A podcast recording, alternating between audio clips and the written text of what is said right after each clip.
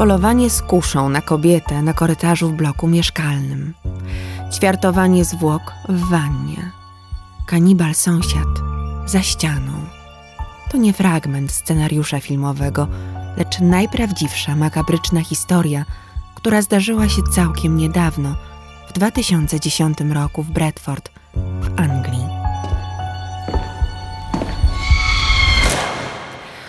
Stephen Sean Griffiths urodził się 24 grudnia 1969 roku w Dewsbury w północnej Anglii, a dokładnie w hrabstwie Yorkshire na południe od Leeds. Podobno nie miał łatwego dzieciństwa, jak niemal każdy z morderców, o których wam tutaj opowiadam. Jego rodzice rozstali się, gdy był mały. Steven oraz jego brat i siostra mieszkali sami z matką, Moirą, w Wakefield. Dzieci nie miały kontaktu z ojcem. Moira pracowała jako recepcjonistka. Z jednej strony media przedstawiały ją później jako złą matkę, która paradowała nago po domu i po podwórku oraz uprawiała seks z różnymi mężczyznami na oczach dzieci i sąsiadów. Była też wielokrotnie karana za drobne przestępstwa. Z drugiej strony kobieta oszczędzała i odkładała pieniądze na edukację Stevena. Być może więc opowieści o jego trudnym dzieciństwie są dość przesadzone. Dorastający chłopak, choć bardzo inteligentny, był również dość specyficzny, co tu kryć, narastała w nim agresja. Do szkoły, do której uczęszczał, chodził również przed laty John George High, seryjny morderca, który w latach 40. XX wieku zabił co najmniej sześć osób. Prawdopodobnie też pił ich krew. Ciała rozpuszczał w kwasie siarkowym został powieszony w 1949 roku. Jestem w stanie wyobrazić sobie, jak mocno musiała ta historia podziałać na wyobraźnię Griffitha, który starał się eksponować najmroczniejsze zakamarki swojej osobowości. W wieku 17 lat zaatakował nożem kierownika supermarketu. Zranił mu twarz. Nie miał żadnych powodów do ataku został skazany na trzy lata więzienia. Podczas badań psychiatrycznych w szpitalu Rempton lekarze podkreślili, że nastolatek fantazjuje o byciu seryjnym mordercą. Przez psychiatrę został określony jako sadystyczny, schizoidalny psychopata. Mimo wszystko wyszedł na wolność. Na krótko. W 1992 roku zapadł kolejny wyrok tym razem za przyłożenie noża do gardła młodej dziewczynie. Znów atak nie został niczym sprowokowany. Griffiths został skazany na dwa lata więzienia za napaść i posiadanie broni. W kolejnym roku dostał karę w zawieszeniu za posiadanie dwóch pistoletów pneumatycznych. Jako dorosły mężczyzna w social mediach kreował mroczną wersję siebie. Przedstawiał się jako Ven Peraja i cytuję mizantrop, który przyniósł nienawiść do nieba. Publikował swoje zdjęcia z nagą klatką piersiową i cytatem z Biblii z księgi Ezechiela 25:17. Ścieżka sprawiedliwych wiedzie przez nieprawości samolubnych i tyranię złych ludzi. Błogosławiony ten, co w imię miłosierdzia i dobrej woli prowadzi słabych przez dolinę ciemności, bo on jest stróżem brata swego i znalazcą zagubionych dziatek. I dokonam srogiej pomsty w zapalczywym gniewie na tych, którzy chcą zatruć i zniszczyć moich braci. I poznasz, że ja jestem Pan, gdy wywrę na Tobie swoją zemstę. Kojarzycie te słowa? Zostały użyte w słynnej, krwawej scenie egzekucji w Pulp Fiction Quentina Tarantino. Na MySpace Griffiths napisał: Człowieczeństwo to nie tylko stan biologiczny, to także stan umysłu. Na tej podstawie jestem w najlepszym razie pseudoczłowiekiem, w najgorszym demonem.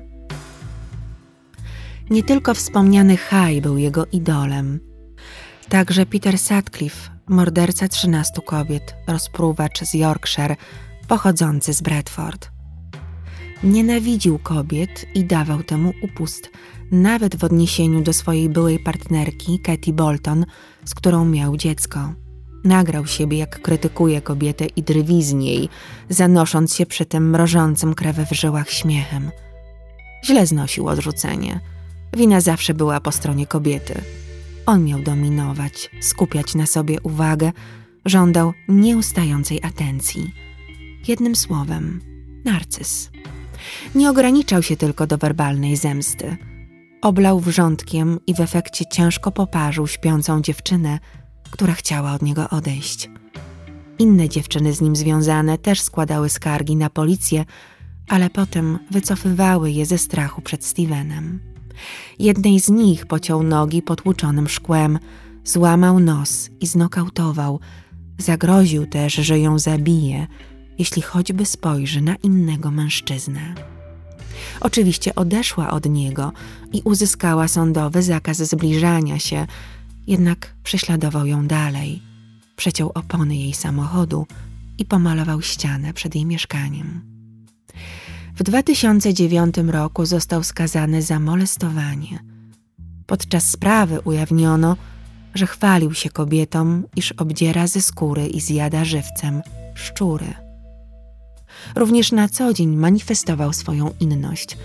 Paradował ze swoimi ulubionymi jaszczurkami na smyczy. Nigdy nie miał stałej pracy. Utrzymywał się z zasiłków i jako dojrzały mężczyzna, wyobraźcie sobie, ukończył psychologię na Uniwersytecie w Leeds. W 2009 roku przyjęto go na Uniwersytet w Bradford, gdzie podjął studia doktoranckie z kryminologii. Temat pracy doktorskiej brzmiał Zabójstwo w mieście przemysłowym, przemoc w Bradford w latach 1847-1899. Porównywał XIX-wieczne i współczesne techniki morderstw. Założył stronę internetową o nazwie The Skeleton and the Jaguar. Publikował na niej zdjęcia kurz oraz wizerunki 50 seryjnych morderców. W Bradford zamieszkał na stałe, na skraju dzielnicy Czerwonych Latarni, niedaleko od centrum miasta. W swojej okolicy znany był jako samotnik. Trochę z niego drwiono, gdy pojawiał się na ulicy w swoim czarnym, długim, skórzanym płaszczu ze wspomnianymi jaszczurkami na smyczy. Miał włosy zaczesane gładko do tyłu i okulary przeciwsłoneczne, które nosił zawsze, bez względu na pogodę i porę roku. Za plecami nadano mu przezwiska człowiek jaszczur, czy też bardziej swojsko pimpek. Jednocześnie groteskowy z wyglądu stawał się coraz bardziej niebezpieczny, zupełnie na poważnie. Narzekali na niego sąsiedzi. Wynajmował jednopokojowe mieszkanie na trzecim piętrze w budynku mieszkalnym przerobionym z kamiennego młyna. Firma, która zarządzała nieruchomością, otrzymywała skargi od mieszkańców i w porozumieniu z policją baczniej przyglądała się swojemu lokatorowi. Nie było formalnych powodów, by wymówić mu mieszkanie czy też aresztować, jednak każdy, kto się z nim zetknął, czuł, że to tylko kwestia czasu, gdy komuś rzeczywiście zrobi poważną krzywdę, a może nawet zabije. Był pod policyjną obserwacją i zabrano mu wiatrówkę, z której strzelał do ptaków. Ich truchłom robił w domu sekcję. Nadużywał narkotyków. Bez przerwy czytał książki o seryjnych mordercach i oglądał filmy True Crime. Trzynaście lat temu budziło to niepokój, prawda? Dziś robi to wielu z nas i powoli staje się to normą – nie trzeba od razu zostawać seryjnym mordercą, jeśli się ma kryminologiczne zainteresowania, ale to taka mała dygresja. Zamontowano dobry system monitoringu, 16 kamer rozmieszczono na korytarzach i właściwie czekano, aż coś się zdarzy. I stało się. Posłuchajcie.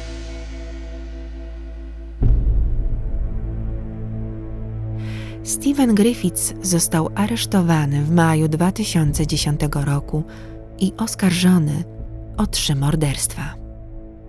Susan Rushworth, lat 43, matka 23-letniego syna, 21-letniej córki i dziewięciolatka oraz już babcia trójki wnucząt, zaginęła w poniedziałek 22 czerwca 2009 roku. Nigdy nie odnaleziono jej żywej bądź martwej. Ostatni raz zauważono ją około południa, niedaleko jej mieszkania. Była chora na epilepsję i uzależniona od heroiny. Zniknęła bez śladu. Nie kontaktowała się z rodziną, zniknął też jej telefon z sieci. Nie korzystała z konta. Jakiś czas przed zaginięciem porzuciła pracę prostytutki. Leczyła się na uzależnienie, ale policja dotarła do informacji, że w dniu zniknięcia próbowała nawiązać kontakt ze swoim dealerem. Przez ostatnich sześć tygodni nie brała narkotyków, jednak po ataku epilepsji załamała się i sięgnęła znowu po środki odurzające. Poszukiwania trwały. W końcu 6 lipca 2009 roku jej 23-letni syn James zaapelował o pomoc podczas konferencji prasowej policji w West Yorkshire. Kobieta nie miała powodów, by uciekać z własnej woli. Nie miała przy sobie lekarstw, które powinna była zażywać regularnie. Apele jej dzieci pojawiały się w mediach co jakiś czas, martwiły się o nią mocno, bo już wcześniej przez pewnego mężczyznę zrujnowała sobie zdrowie. Porzucona przez męża około siedmiu lat wcześniej, została wciągnięta przez nowego partnera w branie narkotyków. Poza tym była dobrą i troskliwą matką. 31-letnia Shelley Armitage zniknęła również w poniedziałek, 10 miesięcy później, 26 kwietnia 2010 roku.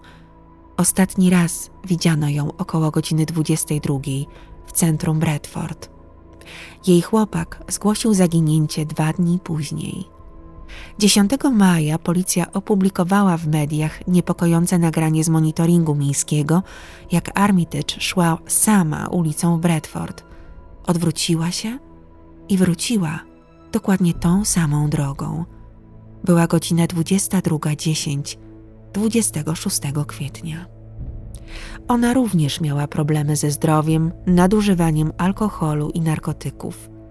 Zniknęła, nie pojawiła się po zasiłek, nie korzystała z telefonu. Przede wszystkim jednak niedawno kupiła szczeniaka, którego uwielbiała. Nie zostawiłaby psa ani dwójki dzieci, w tym dziesięcioletniej córki. Policja Przeszukiwała pojemniki na śmieci i magazyny w okolicy miejsca, w którym widziano ją po raz ostatni. Kobiety nie odnaleziono. 36-letnia Susan Blamirez, znana pod pseudonimem Amber, zaginęła w pobliżu jej domu w dzielnicy Allerton w Bradford w piątek 21 maja 2010 roku. Piękna, urocza i pełna temperamentu Amber tak samo jak poprzednie dwie kobiety, zniknęła na dobre. Mieszkała trzy ulice od domu Shelley Armitage i była jej znajomą. W sobotę jej partner zgłosił zaginięcie. Mężczyzna mieszkał z Susan i wręcz zachęcał ją do pracy na ulicy.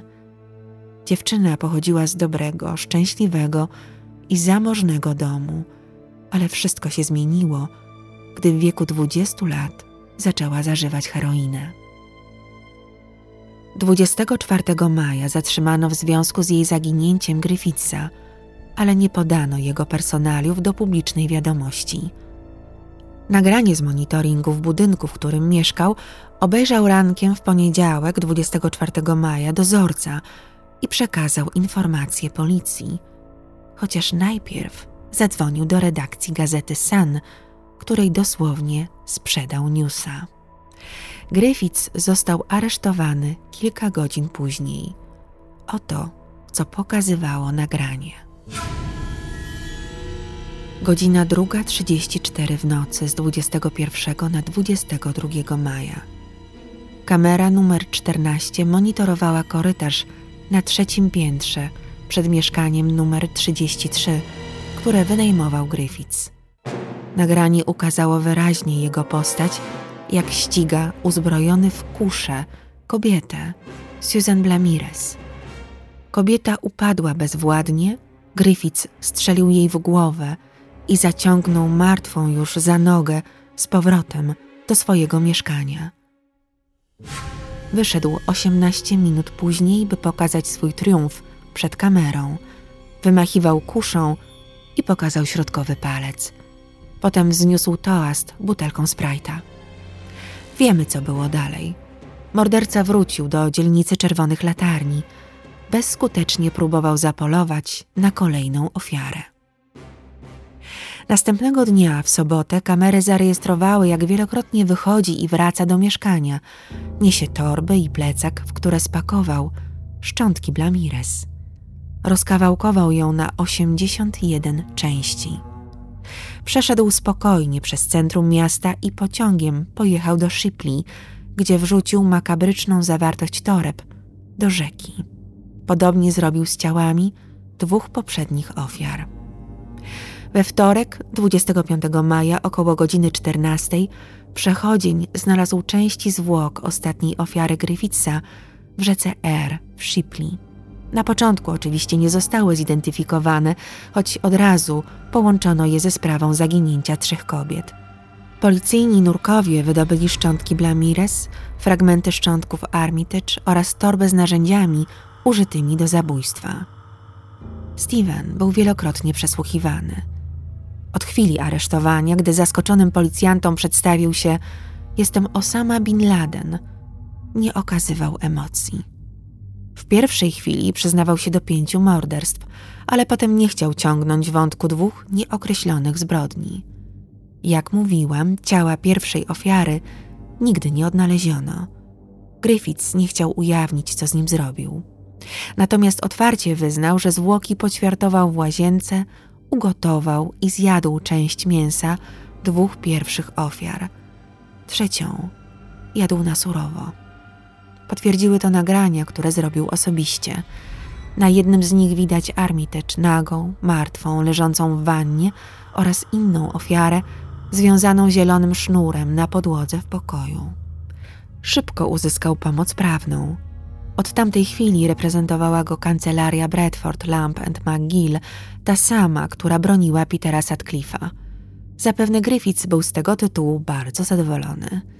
Jego adwokat od samego początku podkreślał niepokojący stan psychiczny Stevena i zabiegał o opinię ze szpitala psychiatrycznego w Rampton, w którym już kiedyś był pod obserwacją.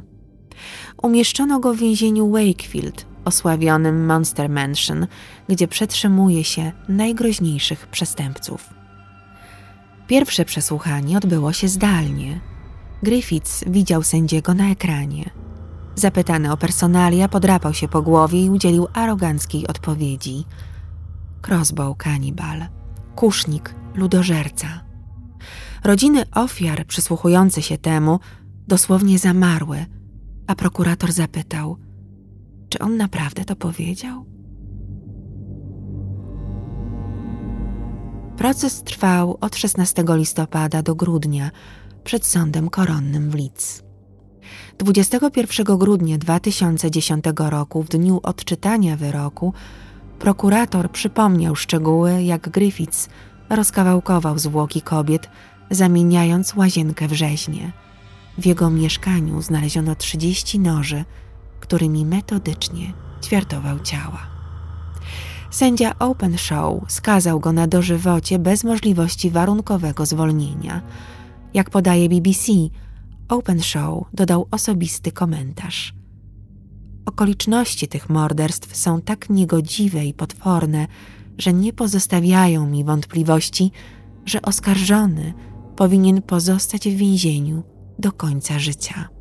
Terroryzowanie i zabijanie ofiary to jedno, ale terroryzowanie, zabijanie, ćwiartowanie, a następnie zjadanie części ofiary to przeniesienie sprawowania władzy na inny poziom. Griffiths nie okazał skruchy, nie wyraził w żadnej formie współczucia dla rodzin swoich ofiar. Uwięziony początkowo w Wakefield sześć razy próbował popełnić samobójstwo podczas odsiadywania kary. Wykorzystał do tego baterie, plastikowe torby i odłamki potłuczonego szkła. Za szóstym razem podciął sobie nadgarstki. Żyletkę dostał od innego więźnia, mimo iż był pod specjalną obserwacją. Przez dwa miesiące w 2011 roku prowadził głodówkę i unikał w miarę możliwości kontaktów z kimkolwiek. Jego autodestrukcyjne zachowanie traktowałabym bardziej jako narcystyczne próby nieustannego zwracania na siebie uwagi. Nie jestem psychologiem, jednak i nie traktujcie mojej opinii jako specjalistycznej diagnozy. Stephen Griffiths obecnie przebywa w największym w Anglii szpitalu psychiatrycznym Rampton, placówce o najwyższym zabezpieczeniu. Pozostaje na oddziale PERKS, tzw. Tak PERKS Unit, dla pacjentów z ciężkimi zaburzeniami osobowości. Są umieszczeni w pokojach, w których ciężko popełnić samobójstwo. Materace zrobione są z niezwykle sztywnego materiału, by nie można ich było podrzeć, odpornego na ciepło. Szkielety łóżek wykonane są z włókna szklanego, czyli nie da się ich połamać. W szpitalu, w którym przebywa około 400 pacjentów, działa ponad 900 kamer monitoringu. Rocznie utrzymanie Griffithsa kosztuje setki tysięcy funtów. Jeden ludzki drapieżnik potrzebuje wielu strażników i specjalnie przeszkolonych sanitariuszy, psychologów, psychiatrów oraz techników dbających o sprawne funkcjonowanie zabezpieczeń. Po mojej ostatniej wizycie w więzieniu i zajęciach z osadzonymi kobietami mam coraz więcej refleksji na temat funkcjonowania zakładów karnych. Będę się nimi z Wami dzielić w kolejnych odcinkach podcastu, bo zamierzam prowadzić kolejne spotkania z więźniarkami. Źródła, z których korzystałam, by przygotować historię Griffithsa, to nieocenione materiały z archiwalnych wydań gazet i portali Guardian, Evening Standard, BBC, The Telegraph, Independent, City Journal i Sydney Morning Herald.